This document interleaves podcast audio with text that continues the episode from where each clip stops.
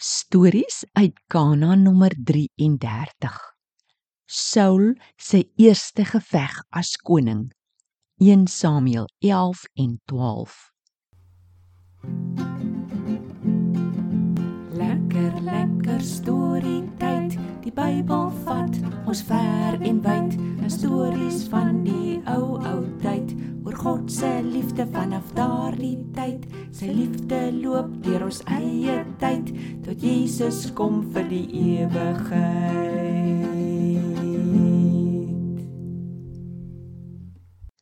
Tannie Karen, tannie, hoor gou my liedjie. Oogies is om mooi te sien, God se nuwe orde.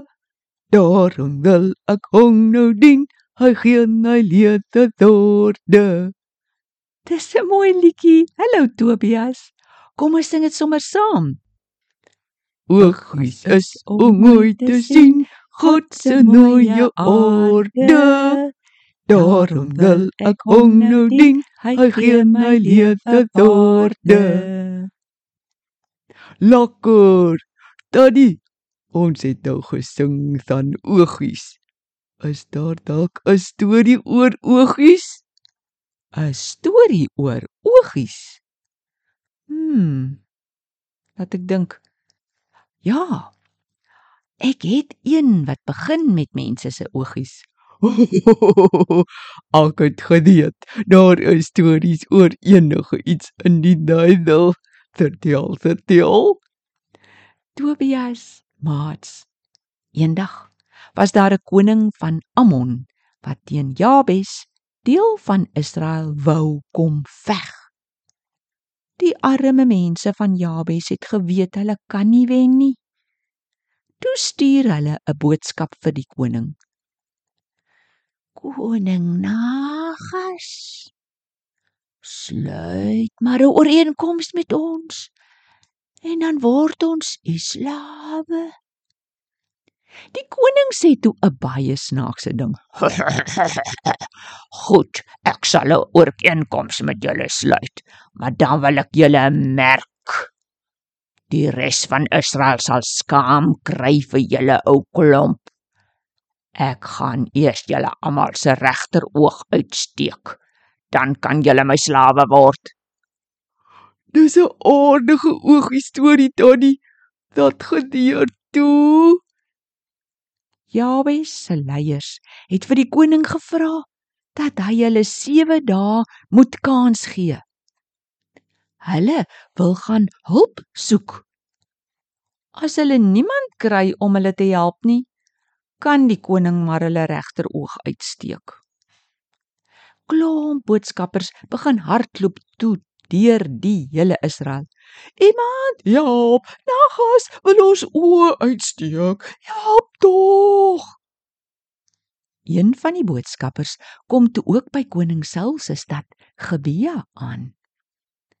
Toe die mense die storie van die regter oë hoor, het hulle baie hard gehuil.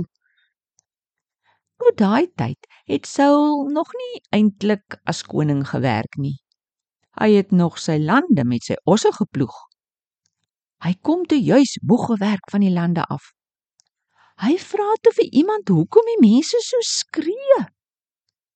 Toe hulle hom vertel van Nagas se lelike plan, het die Heilige Gees in hom begin werk. Hy weet toe hy moet dadelik teen hierdie Nagas gaan veg. Hy word toe baie kwaad en doen 'n snaakse ding. Hy kap twee osse in stukke op en stuur dit deur die hele land. Hy sê toe dat almal wat weier om saam te kom veg, se osse so opgekap sal word. O, orde, die mense het seker dang geword. Jy kan dink ja. Hulle trek toe almal op na Besek. Daar het Saul al die manne getel. Hy stuur toe ook boodskappers na Jabes om te sê dat iemand hulle sal kom help voor die volgende middag. Jabes se mense was baie bly, maar laat weet vir Nagas dat hulle hulle self die volgende oggend aan hom sal oorgee. Intussen kom Saul en al die soldate stilletjies in die donker by die Amoniete se kamp aan. In die donker begin hulle woes veg en jaag hulle almal uitmekaar en weg. O die mense daar seker bly. Ja, hulle was. Hulle het ook nou besef dat Saul regtig hulle koning kan wees. Die soldate het vir Samuel gesê dat al daai mense wat nie vir Saul as koning wou hê nie, moet sterf. Maar Samuel het gesê dat niemand op hierdie wonderlike dag mag doodgaan nie. Hulle moet fees vier want die Here het hulle gered. Hulle kom toe bymekaar in Gilgal en almal sê toe saam: Saul is ons koning. Lank lewe die koning. Almal was baie bly. Fantasties. Is hulle toe ook bly? Hulle het nog altyd hulle oogies. ja. Hulle het offers vir die Here gebring. Die profeet Samuel het ook bietjie met hulle gesels. Julle ek is nou oud. Ek was die laaste regter wat God vir sy volk gestuur het. Nou het julle 'n koning gevra. Hier is hy nou. Nou moet julle en julle koning die Here bly dien moet nou nie soos julle paas en oupas maak en loop staan en afgode aanbid nie. Hulle is niks. Hulle kan nie vir julle help nie. Julle weet hoe sleg gaan dit met julle as julle nie meer die Here gehoorsaam nie. Luister mooi na God.